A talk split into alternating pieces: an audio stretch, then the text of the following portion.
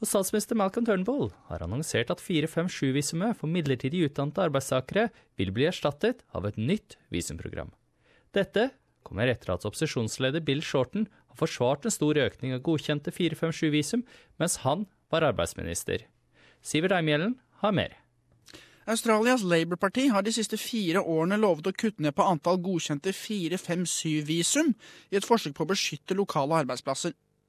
Nå sier statsminister Malcolm Turnbull at han vil gjøre dette selv. So we have and we always will be an immigration nation, but we must ensure that the foundation of that success is maintained and the foundation is that our migration system is seen to work in the national interest. Ved å love australiere prioritet for jobber som for tiden er åpnet til arbeidstakere fra utlandet, siterte Turnbull også tidligere statsminister John Howards valgløfte om grensesikkerhet. Løftet kom i 2003. Believe me, we should not underestimate either our success as a multicultural society or the fact that our success is built on a foundation of confidence by the Australian people that it is their government and their government alone that determines in the national interest who comes here and the terms on which they come and how long they stay.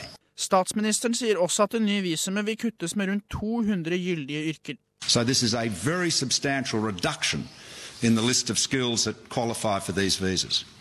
There'll be a two-year visa and that will require, as will a second visa for four years, two years' work experience, prior work experience. That is not the case at the moment. It will require, in the case of the four year visa, a higher standard of English. It will require a full, a proper police record, a criminal check, the, which is not the case at the moment. It will require, in, in almost all cases, in the majority of cases, uh, mandatory labour market testing. Again, a very significant change. Han sier at rundt 95 000 457-deltakere vil ha mulighet til å bli i Australia under deres nåværende visumbetingelser. Innvandringsminister Peter Dutton sier endringen er et forsøk på å rydde opp i Labour-partiet sitt rot. Uh, Labour presided over a policy which got out of control by their own admission. And what we are doing is making some significant changes uh, in abolishing the program, but uh, introducing a temporary skills shortage visa to, through two streams. Uh, one a short term, one a medium term, uh, and by doing that, we we restore integrity uh, to this uh, visa program. Tidligere har Turnbull-administrasjonen rettet oppmerksomhet rundt de 70 000 457-visumene, mens han var utdanningsminister ved Gilliard Rudd-regjeringen. Bill Shorten sier at det såkalte mining-boomet i Australia under hans tid som utdanningsminister økte etterspørselen etter midlertidig arbeidskraft fra utlandet. Han står fast ved hans løfte om å kreve at selskaper i Australia må prioritere australske arbeidstakere. We want Australians to have the chance to get first go at these jobs. That's why we want to rescue TAFE.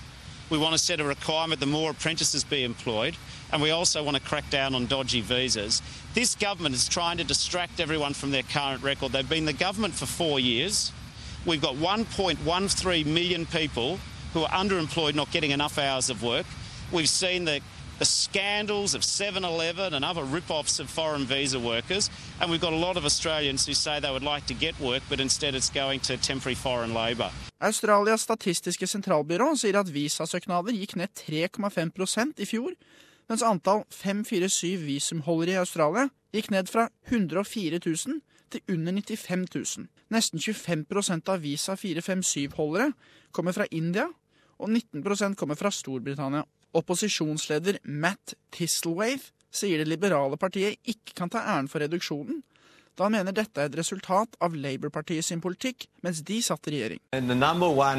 change that we made was proper labour market testing. So you had to test a domestic market before you could introduce 457 visa workers. And as a result of those reforms, as a result of those legal changes, the numbers fell. Now, because employment is a lagged indicator, the numbers have fallen since that time um, and into the period of the Turnbull government. So the fact is that it was Bill Shorten that put in place these changes that have seen the reduction in the numbers.